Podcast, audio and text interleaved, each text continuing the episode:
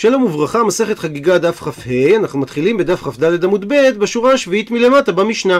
אחרי שהמשנה הקודמת דיברה על דברים שבהם קודש יותר חמור בתרומה, מדברת המשנה הזאת על דברים שבהם יש חומר בתרומה יותר מבקודש. שעמי הארץ שביהודה הם נאמנים על טהרת יין ושמן כל ימות השנה. שאם הם הקדישו יין ושמן למזבח, אז אנחנו מאמינים להם שהיין והשמן טהורים לקודש. ובזה תרומה חמורה מקודש, כי לגבי תרומה אנחנו לא מאמינים להם שהיא טהורה.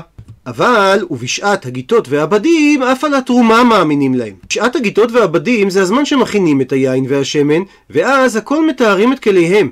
אז מצד אחד זה זמין בשבילם לטהר את הכלים יחד עם כל שאר האנשים, מצד שני יש את כללי השוק, הם רוצים למכור בטהרה כי יש לזה ביקוש, ולכן בשעת הגיטות והבדים אנחנו מאמינים להם שהם שמרו גם על התרומה בטהרה. מה קורה כאשר עברו הזמן של הגיטות והבדים והביאו לו עמי הארץ לכהן שהוא חבר ומקפיד על דיני טומאה וטהרה חבית של יין של תרומה במקרה כזה לא יקבלנה ממנו אבל מניחה עם הארץ לגת הבאה ואז יתננה לכהן. ואם אמר לו עם הארץ לכהן החבר, אחרי שעבר זמן הגיטות והבדים, הפרשתי לתוכה של חבית התרומה רביעית הלוג שמן קודש, הרי הוא נאמן שהחבית טהורה, שאנחנו אומרים מיגו, שמתוך שהוא נאמן להגיד על הקודש, הוא גם נאמן להעיד על התרומה.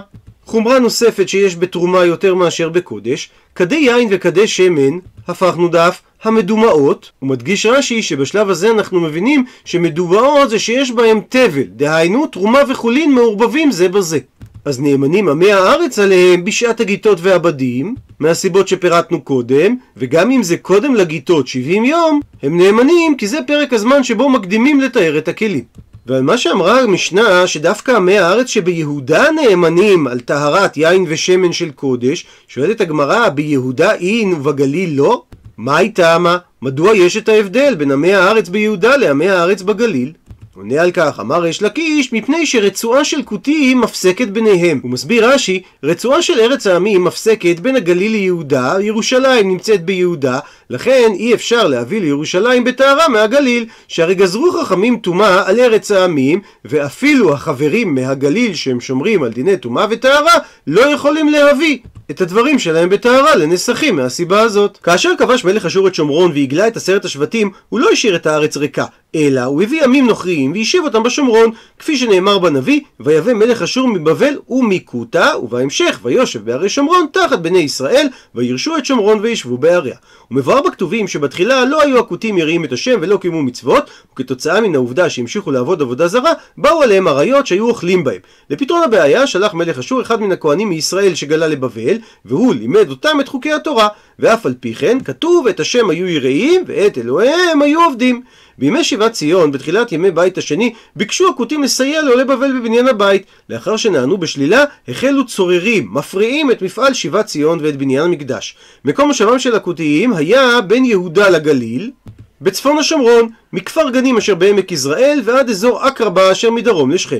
ובלשון הגמרא, רצועה של כותים מפסקת ביניהם, דהיינו בין הגליל לבין יהודה. חיץ זה קיבל מעמד הלכתי מיוחד ויצר השפעה מעשית על תושביה היהודיים של ארץ ישראל. מקשה הגמרא, הרי יש פתרון טכני לדבר, ונייטיב בשידה תיבה ומגדל. נשים את היין והשמן בשידה, תיבה או מגדל, ואנשים יישאו אותם באוויר כמו שנושאים הפריון. ובגלל שהכלים האלה לא סגורים, אז זה אוהל שחוצץ בפני הטומאה. מתרצת הגמרא המאני, כשיטת מי המשנה, רבי דאמר אוהל זרוק לאו שמי אוהל. שאוהל שמיטלטל ונזרק לא נקרא אוהל להיות מפסיק בין אווירה של ארץ העמים. וחכמים גזרו גם על אווירה של ארץ העמים שתטמא לקודש. והמקור לכך דתניא, ששנינו בברייתא. הנכנס לארץ העמים בשידת תיבה ומגדל, רבי מטמא ורבי יוסי ברבי יהודה מתאר. ממשיכה הגמרא ומקשה, ולעיתוע בכלי חרס המוקף צמיד פתיל. שיביאו את היין והשמן מהגליל ליהודה, בכלי חרס שמוקף צמיד פתיל. הכוונה לכלי חרס שיש עליו מכסה, ואת המכסה מצמידים לכלי בחומרים שונים. ובאופן הזה, מה שנמצא בתוך כלי החרס לא נטמע אפילו באוהל המת. מתרצת הגמרא, אמר רבי אליעזר, שונין, הוא מסביר רש"י, יש תנאים ששונים ברייתא, שאין הקודש ניצול בצמיד פתיל. בגלל מעלתו המיוחדת של הקודש. מקשה הגמרא לפי מסורת הש"ס והאתנן, הרי שנינו במשנה במסכת פרה. אין חטאת, דהיינו מי אפר פרה, ניצלת בצמיד פתיל. ומדייקת הגמרא, מה אליו, האם אין כוונת המשנה שדווקא מי חטאת לא ניצלים בצמיד פתיל? הקודש כן ניצול. וזה סותר את הברייתא שהביא רבי אליעזר. מתרצת הגמרא, לא זה הדיוק, אלא הדיוק הוא המים שאינן מקודשים. דהיינו שעדיין לא ערבבו בהם את האפר, שהם כן ניצולים בצמיד פתיל, וממילא הם כשרים לקדשם אחר כך, כי הם לא נטמעו. ממשיכה הגמרא ומקשה מכיוון אחר, והאמרו לה שחבריה מדכן בגלילה. שיש בגליל חברים שמקפידים על טומאה וטהרה, שמטהרים את יינם ושמנם למזבח. כדי שאם ייבנה בית המקדש בימיהם, הם יוכלו להביא את זה בטהרה. אבל אם אמרנו שיש רצועה מפסקת בין הגליל ליהודה, אז למה הם עושים את זה בטהרה? הרי זה לא אפשרי. מתרצת הגמרא שהם מניחים את מה שהם מכינים בטהרה בצד, ולכשיבוא אליהו ויטהרנה אז הם יביאו את זה למקדש, שאולי יבוא אליהו ויראה להם שביל שאינו מארץ העמים. וכך הם יוכלו להביא את הדברים בטהרה לבית המקדש. ציטוט מהמשנה ובשעת הגיטות נאמנים עמי הארץ אף על התרומה שהיא טהורה. מקשה הגמרא אורי מיני, סתירה בין מקורות תנאיים, שהרי המשנה במסכת טהרות אומרת, הגומר זיתיו ישייר קופה אחת ויתננה לעני כהן. דהיינו, עם הארץ שבא לסיים את הכנסת הזיתים שלו לבית הבד. אז הוא ישייר קופה אחת בצד לצורך התרומות, ואת זה הוא ייתן לכהן עני. וכך הכהן יראה שלא הוכשרו הזיתים לקבל טומאה, וממילא הכהן יכול לעשות את התרומה הזאת בטהרה. ומהמשנה הזאת מוכח שבשעת הגיטות והבדים, עמי הארץ לא נאמנים על טהרת התרומה. וזה סותר את המשנה. מתרצת הגמרא אמר רב נחמן לא קשיא, הא בחרפי הא באפלי, דהיינו. המשנה שלנו שאמרה שבשעת הגיטות והבדים עם הארץ נאמן על טהרת התרומה, זה מדבר בחרפי. בזיתים שהקדים זמן בישולם, וממילא הכניסו אותם לבית הבד ולגת כמו שאר העולם. אבל המשנה במסכת הארות שאמרה שלא מאמינים לעם הארץ אפילו לא בשעת הגיטות והבדים, היא דיברה באפלי, דהיינו, בזיתים שהבשילו מאוחר. כך שכבר עבר זמן הגיטות עבור רוב העולם. ובמצב כזה אמרה המשנה שעם הארץ לא נאמן שהתרומה שלו טהורה. שואל על כך אמר לו רבד אבר אהבה לרב נחמן כגון מאי תן לי דוגמה לזיתים אפלי עונה לו רב נחמן כאותן של בית אביך שסוג הזיתים שלהם מבשיל מאוחר רבנו חננאל מביא פירוש נוסף שלאבותיו של רב נחמן היו להם הרבה זיתים ובגלל עומס העבודה הם היו מתאחרים הרבה אחרי כל אדם להביא אותם לבית הבד. זאת אומרת שחרפי ואפלה לפי רבנו חננאל זה לא קביעה אובייקטיבית לפי סוג הזיתים כמו שראינו ברש"י, אלא הגדרה סובייקטיבית שתלויה בעומס העבודה של בעל הזיתים. ציון תירוץ נוסף, רב יוסף אמר בגליל השנו, שהמשנה שלנו שאמרה שעמי הארץ נאמנים זה דווקא ביהודה, בדיוק כמו שברישא אמרה המשנה שביהודה עמי הארץ נאמנים על טהרות יין ושמן. ורוצה רב יוסף לומר שגם על המשך המשנה שאומרת ובשעת הגיטות והבדים נאמנים עמי הארץ אף על התרומה, זה דווקא ביהודה. מה שאין כן המשנה ממסכת טהרות, שהיא מדברת על עמי הארץ בגליל. מקשה עליה והיטיבי אביי, הרי יש ברייתא שאומרת, עבר הירדן והגליל הרי הם כיהודה. בהקשר לנאמנות של עמי הארץ, שהם נאמנים על היין בשעת היין ועל השמן בשעת השמן, אבל הם לא נאמנים לא על היין בשעת השמן ולא על השמן בשעת היין. עד לכאן לשון הברייתא, ומוכיח אביי שאין ההבדל הגיאוגרפי בין הגליל ויהודה משפיע על נאמנות עמי הארץ. ודוחה הגמרא את תירוצו של רבי יוסף ואומרת, אלא מחברתא כדשנינן מעיקרא. שהתירוץ המחובר והנכון הוא כמו מה שתירץ רב נחמן בהתחלה. ציטוט מהמשנה, עברו הגיטות והבדים והביאו לו חבית של יין, לא יקבלנה ממנו, אבל מניחה על הגת הבאה. באו מיני מרב ששת, שאלו את רב ששת את השאלה הבאה. עבר וקיבלה, מהו שיניחנה על הגת הבאה? אם עם הארץ הביא לכהן החבר חבית של תרומה שלא בשעת הגיטות, והוא קיבל אותה ממנו, האם מותר לו לחכות איתה עד הזמן של הגת הבאה ואז להשתמש בה? אמר להו, עונה להם רב ששת, תנטוע. הרי התשובה נמצאת במשנה מפורשת במסכת דמאי. הפכנו דף. חבר ועם הארץ שירשו את אביהם שהוא היה עם הארץ. ובתוך הירושה יש דברים שקיבלו טומאה ויש דברים שלא קיבלו טומאה. אז האח שהוא חבר יכול לומר לו לאח שהוא עם הארץ טול החיטין שבמקום פלוני ואני את החיטין שבמקום פלוני. או טול את היין שבמקום פלוני ואני אטול את היין שבמקום פלוני. שאתה תיקח את החיטים שהוכשרו לקבל טומאה, ואני אקח את החיטים במקום פלוני שהוא יודע שהם לא הוכשרו לקבל טומאה. שכיוון ששני הדברים הם אותו מין, שניהם הם חיטים, אנחנו אומרים יש ברירה, דהיינו מתברר למפרע שאלו החיטים הם חלקו של זה ואלו הם חלקו של זה. כך שלא יחליף לו החבר לעם הארץ את חלקו שבטמאים בשביל חלקו של עם הארץ בטהורים. אבל אם מדובר בשני מינים שונים, אז לא יאמר לו טול אתה את הלך ואני יבש, או טול אתה את החיטים ואני את השעורים. כי בשני מינים שונים אנחנו לא אומרים יש ברירה, שהרי כשמת אביהם נפל חלק לזה וחלק לזה בכל המינים. ואם החבר יגיד לאח עם הארץ שלו, תיטול אתה את הסוג הראשון ואני את הסוג השני, אז נמצא שהוא מחליף לו טהורים וטמאים, והוא עובר בכך על לפני עיוור לא תיתן מכשול. עד לכאן לשון המשנה, ותני עלה, ושנה על זה רב ששת את לשון התוספתא. אותו חבר שורף הלך ומניח את היבש. שאם החבר שיורש הוא כהן, ויש שם משהו לך כמו שמן לתרומה, הרי האבא היה עם הארץ והוא ודאי טימא את השמן. אז צריך לשרוף את השמן. אבל מותר לשרוף אותו ולהשתמש בו תוך כדי, ולכן הוא מדליקו לנרות. ואם זה דבר יבש ולא לך, דהיינו זה לא הוכשר לקבל טומאה, אז לא צריך לשרוף אותו. עד לכאן לשון התוספתא. הוא מסיים רב ששת את ההוכחה שלו. עמאי, מדוע אמרה הברייתא שהוא צריך לשרוף את הלך? הרי הוא יכול להניחן על הגת הבאה. אלא מכאן הוכחה שחבר שקיבל תרומה מעם הארץ שלו בשעת הגיטות והבדים, צריך לשרוף אותה. דוחה הגמרא את ההוכחה של רב ששת ואומרת שניתן להסביר שמדובר פה בדבר שאין לו גת. כגון שחרר תמרים של תרומה, שאין שום זמן בשנה שעמי הארץ נאמנים על טהרת התרומה שלו.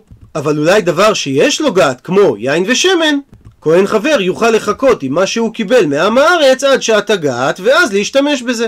ולפי ההסבר הזה, צריך לומר שהביטוי שאמרה התוספת השורף, הוא לאו דווקא שרפה באש, אלא זה עניין של לאבד את הדבר. מקשה הגמרא ויניחנו לרגל.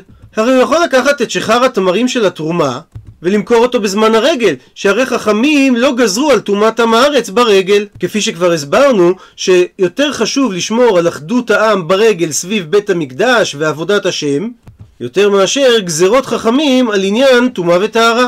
אז אם כך, למה אמר הברייתא שהוא צריך לשרוף את זה? תרץ את הגמרא שמדובר בדבר שאינו משתמר לרגל. ולכן אין פתרון חוץ מלשרוף אותו. אבל אם מדובר בדבר שהוא כן משתמר לרגל, אז ייתכן שהוא יכול לשמור אותו, ואז להשתמש בו בטהרה. ציטוט מהמשנה, ואם אמר הפרשתי לתוכה רביעית קודש, נאמן. ואומרת הגמרא, תנן התם, שנינו במשנה במסכת אוהלות. מודים בית שמאי ובית הלל שבודקים לעושה פסח ואין בודקים לאוכלי תרומה. הוא מסביר רש"י שמדובר על אדם שהיה הולך לעשות פסחו ובית הפרס של שדה שנחרש בו קבר מפסיקו בדרך, אז הוא בודקו בנפיחה. דהיינו, הוא נופח אוויר בקרקע, וכך הוא יכול לראות האם במקום שהוא הולך המחרשה שפגעה בקבר פיזרה עצמות. ואם יש שם עצם כשעורה, אז הוא רואה אותו ונשמט ממנו. ועצם כשעורה אינו מטמא אם הוא מעיל עליו, אלא רק אם הוא נוגע או נושא אותו, ולכן מספיקה בדיקה בנפיחה כי כך הוא לא נטמע, שהרי הוא לא יסיט את העצם הזאת ברגלו. אבל הבדיקה הזאת מועילה דווקא לאותם אנשים שהולכים לעשות הפסח, אבל אין בודקים לאוכלי תרומה. דהיינו, לא סומכים על בדיקה זו כדי לאפשר לכהנים שרוצים לאכול תרומה לעבור בבית הפרס, שכיוון שאין זמן קבוע לאכילה של תרומה, אז ניתן להגיד לכהן שאם אתה עובר שם, תמתין שבעה ימים, תעשה את כל תהליך הטהרה, תזה שלישי ושביעי ותטבול, ורק אז תאכל את התרומה בטהרה. אבל לגבי פסח, הואיל ובית הפרס זה חומרא דרבנן, אז לא העמידו חכמים את דבריהם במקום של איסור כרת. שהרי מדאורייתא, בית הפרס לא מטמא את האדם והוא מחויב להגיע לעשות את הפסח. ושואלת הגמרא, מהי בודקין? איך מתבצעת הבדיקה? אמר רב יהודה אמר שמואל, מנפח אדם בית הפרס והולך. דהיינו, חשיפת פני הקרקע על ידי אוויר, באופן דומה לפינוי שדות מוקשים. תשובה אחרת, ורב חייא ברם במשמי דאולה אמר, בית הפרס שנידש טהור, שאם הוא נידש, דהיינו נדרס ברגל, זו הבדיקה שלו, כך שעושה הפסח שרוצה לעבור בבית הפרס, הוא צריך לבדוק האם השדה נידש או לא נידש. ואם הוא מזהה שעברו שם כבר הרבה אנשים, או בהמות, הרי הוא גם הוא יכול לעבור שם. הסבירה הגמרא שלעושי פסח לא העמידו חכמים את דבריהם במקום כרת, מה שאין כן לאוכלי תרומה העמידו חכמים את דבריהם במקום מיתה. שאם טמא יאכל תרומה, הרי הוא חייב מיתה בידי שמיים. כמו שאמר רש"י, כיוון שאין זמן קבוע לאכילת התרומה, הרי ניתן להמתין לעשות את תהליך הטהרה ולאכול את התרומה בטהרה. איבאי אלהו נשאלה להם השאלה הבאה בדק לפסחו מהו שיאכל בתרומתו. אדם שהיה לו היתר לעבור בשדה בית הפרס כי הוא היה צריך ללכת להקריב את הפסח. האם הוא גם נחשב טהור לעניין אכילת תרומה? מביאה על כך הגמרא מחלוקת. אולה אמר שמי שבדק לפסחו מותר לאכול בתרומתו, לעומת זאת רבא בר אולה אמר שמי שבדק לפסחו אסור לאכול בתרומתו. אמר להוא סבא לרבא בר אולה לא טיף לו גלי דאולה. אל תחלוק על מה שאמר אולה שמי שבדק לפסחו מותר לאכול בתרומתו. דתנן כבתי, שהרי המשנה שלנו היא כשיטתו, שכתוב ואם אמר עם הארץ שהפרשתי לתוכה רביעית קודש הוא נאמן שגם התרומה שבחבית היא טהורה. עלמא, אז אם כך תאמר, מדמהימן הקודש מהימנה מהתרומה. הוא מסביר רש"י שהסיבה שגניו למזבח שתהא תרומה מחוברת לקודש בחזקת תמוהה, אבל הקודש יקרב למזבח. החנמי כאן גם על אותו עיקרון, מדמהימן הפסח. שאפילו שהוא עבר בבית הפרס הוא נחשב טהור על ידי הבדיקה שלו, אז גם מהימנה מהתרומה. ציטוט מהמשנה, כדי יין וכדי שמן המדומעות נאמנים עליהם בשעת הגיטות והבדים וקודם לגיטות 70 יום. מביאה על כך הגמרא ברייתא, תנא, אין נאמנים לא על הקנקנים ולא על התרומה. ושואלת הגמרא, קנקנים דמאי, על איזה קנקנים מדברת הברייתא? אי קנקנים דקודש, הרי מיגו דמהימן הקודש ודאי שמהימן נמי הקנקנים, שלא ייתכן שהקודש בתוך הקנקן יהיה טהור והקנקן עצמו יהיה טמא, אלא מה תאמר, מדובר על הקנקנים דתרומה? אבל הרי זה פשיטא, השתא, הרי עכשיו אמרת, התרומה הוא לא מהימן. אז פשוט שלקנקנים הוא לא יהיה נאמן.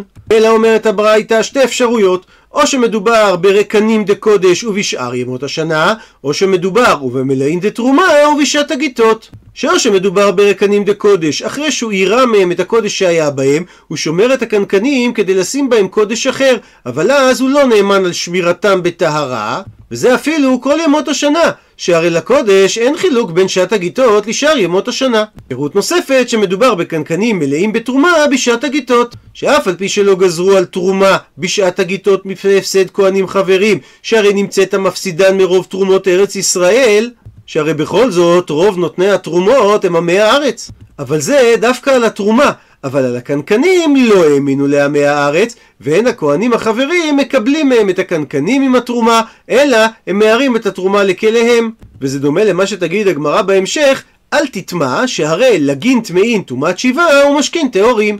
זאת אומרת, מצאנו גזרות חכמים שעשו הבחנה בין האוכל עצמו לבין הכלים שהוא נמצא בו. מה כשעל כך הגמרא, תנן, הרי שנינו במשנה שלנו, כדי יין וכדי שמן המדומעות. מה אליו, האם לא מדובר שהן מדומעות לתרומה? שיש בהם עירוב של חולין ותרומה, ובכל זאת עמי הארץ נאמנים לומר שהתרומה הזאת טהורה בשעת הכבתות. מתרצת הגמרא, אמרי דבר רב חייא, אמרו בבית המדרש של רב חייא, שלא מדובר על מדומעות דתרומה, אלא מדומעות דקודש. מקשה על כך הגמרא, ומי איכא דימוע לקודש? האם יש דבר כזה תבואה שהיא מדומעת לקודש? הרי תבל שלא נתקן הוא מדומה בתרומה. שאנחנו אומרים שיש פה חולין ותרומה שמעורבבים זה בזה. אבל קודש לא הוזקקנו לפרוש מתוך התערובת הזאת, שנאמר שהתבל מדומה בתוכו עם קודש. מתרצת הגמרא, אמרי דבר רבי אלי, אמרו בבית המדרש של רבי אלי, שמדובר במטהר את תבלו ליטול ממנו נסכים. דהיינו שהוא שומר את התבל שלו בטהרה, כדי להקדיש ממנו נסכים אחרי שהוא ייקח ממנו את התרומה. אז במצב כזה אנחנו מתייחסים לתבל כאילו יש בו גם חולים, גם קודש וגם תרומה בתערובת. מיגו שהוא מהימן הקודש, הוא מהימן גם על התרומה ועל הקנקנים, שהרי גנאי לקודש יהיו הקנקנים שיראו מהן בחזקת תומה, אבל הקודש עצמו קרב על המזבח. ציטוט מהמשנה, קודם לגיטות 70 יום. אמר על כך אביי, שמע מינה דינא הוא. זאת אומרת, שכך הוא הדין. דאילווה אריסה למיטרח הגולפי, שמוטל על האריס לטרוח ולהכין את הקנקנים, 70 יומין מקמי מעצרת. 70 יום לפני שעוצרים את היין בגיטות. עד לכאן דף כ"ה. למעוניינים בהרחבה נקרא קטע מתוך אורות התחייה פרק ה' של הרב קוק. הנה ישנו שנת תרדמה לאומית, משך גלות ארוכה וקשה מאוד. כוחותינו הלאומיים נשארו אז בלועים בקרבנו פנימה, מבחוץ הכל נעשה מקומט ומזוקן, אבל מבפנים טל החיים הולך וזורם. כשם שהמצוות המעשיות בכללן, בכל מילואיהן, הלכו עמנו בגולה ושמרו לנו בה את לח חיינו ואת חותם רוחנו על פי עצמותנו הפנימית, הביאו אותנו לאלה ימי התחלת תקופת ההארה, לחיים של חפץ תחיית האומה בארצנו. כן יביאו אותנו המצוות התלויות בארץ לידי רוממות החיים שעל פי צורתם השלמה הן נקבעו. וכל אשר נוסיף להתבונן במהותן של המצוות התלויות בארץ כולן, ונראה כמה רחוקות הן מאיתנו, כמה חיינו צריכים להיות בתנאים יותר בריאים וחזקים, עד שיהיו אלו המצוות מתקיימות בהם, כן יגדל בנו החשק לקיים באהבה ובעיקר את אותו החלק שאנו יכולים לקיימו בתור זכר לדבר, זכר קודש, זיכרון לחיים שלמים שיבואו לנו בבוא תשועה שלמה לעמנו על אדמתנו לתשועת עולמים, ואשר בקיימנו אותם עכשיו, הננו מעשירים את נשמת אומתנו באותה אש הקודש אשר תהיה את הקודש, מלאת החיים לעת חיה. כשאנו מקיימים עתה מצוות תרומה ומעשר, גם בשעה שאין לנו כל היסודות הממשיים שמצוות אלו בנויות עליהם, לא כהן בעבודתו ולא לוי בדוכנו, הנה החיזיון מתייצב לפנינו, והננו מתמלאים רוח שירה רוממה בתעופת נשרים, לעומת האורה של הימים המאושרים, המחכים לאומתנו על אדמתנו הברוכה. הנה המקדש על מכונו לגאון ולכבוד לכל הגויים והממלכות. והנה אנו נושאים ברינה על אומות ארץ חמדתנו, באים ברוח מלא חופש אמיתי ובטחה טהורה, אל הגורן והיקב המלאים בר ויין, וליבנו שמח על טוב ארץ חמדה. והנה לפנינו מופיעים כהנים, אנשי קודש, משרתי מקדש השם אלוהי ישראל, ליבם מלא אהבה וחסד, רוח הקודש הפוח על פניהם, וזוכרים אנו את כל רממות רגשי הקודש, אשר מילאנו בעת ראינו את פניהם בעלותינו לרגל, בראותנו אותם בעומדם לשרת בתוך מקדשנו, גאון עוזנו ומחמד עינינו, כמה נהדרים ונעימים הם לנו, ועתה, הנה גרננו המלא ברכת השם מארץ חמדה זאת, אשר הנחלנו מאבותינו, וחלקי האנשים הללו, אנשי הרוח, איתנו הם. מאושרים אנו לתת להם את תרומתם בשמחה.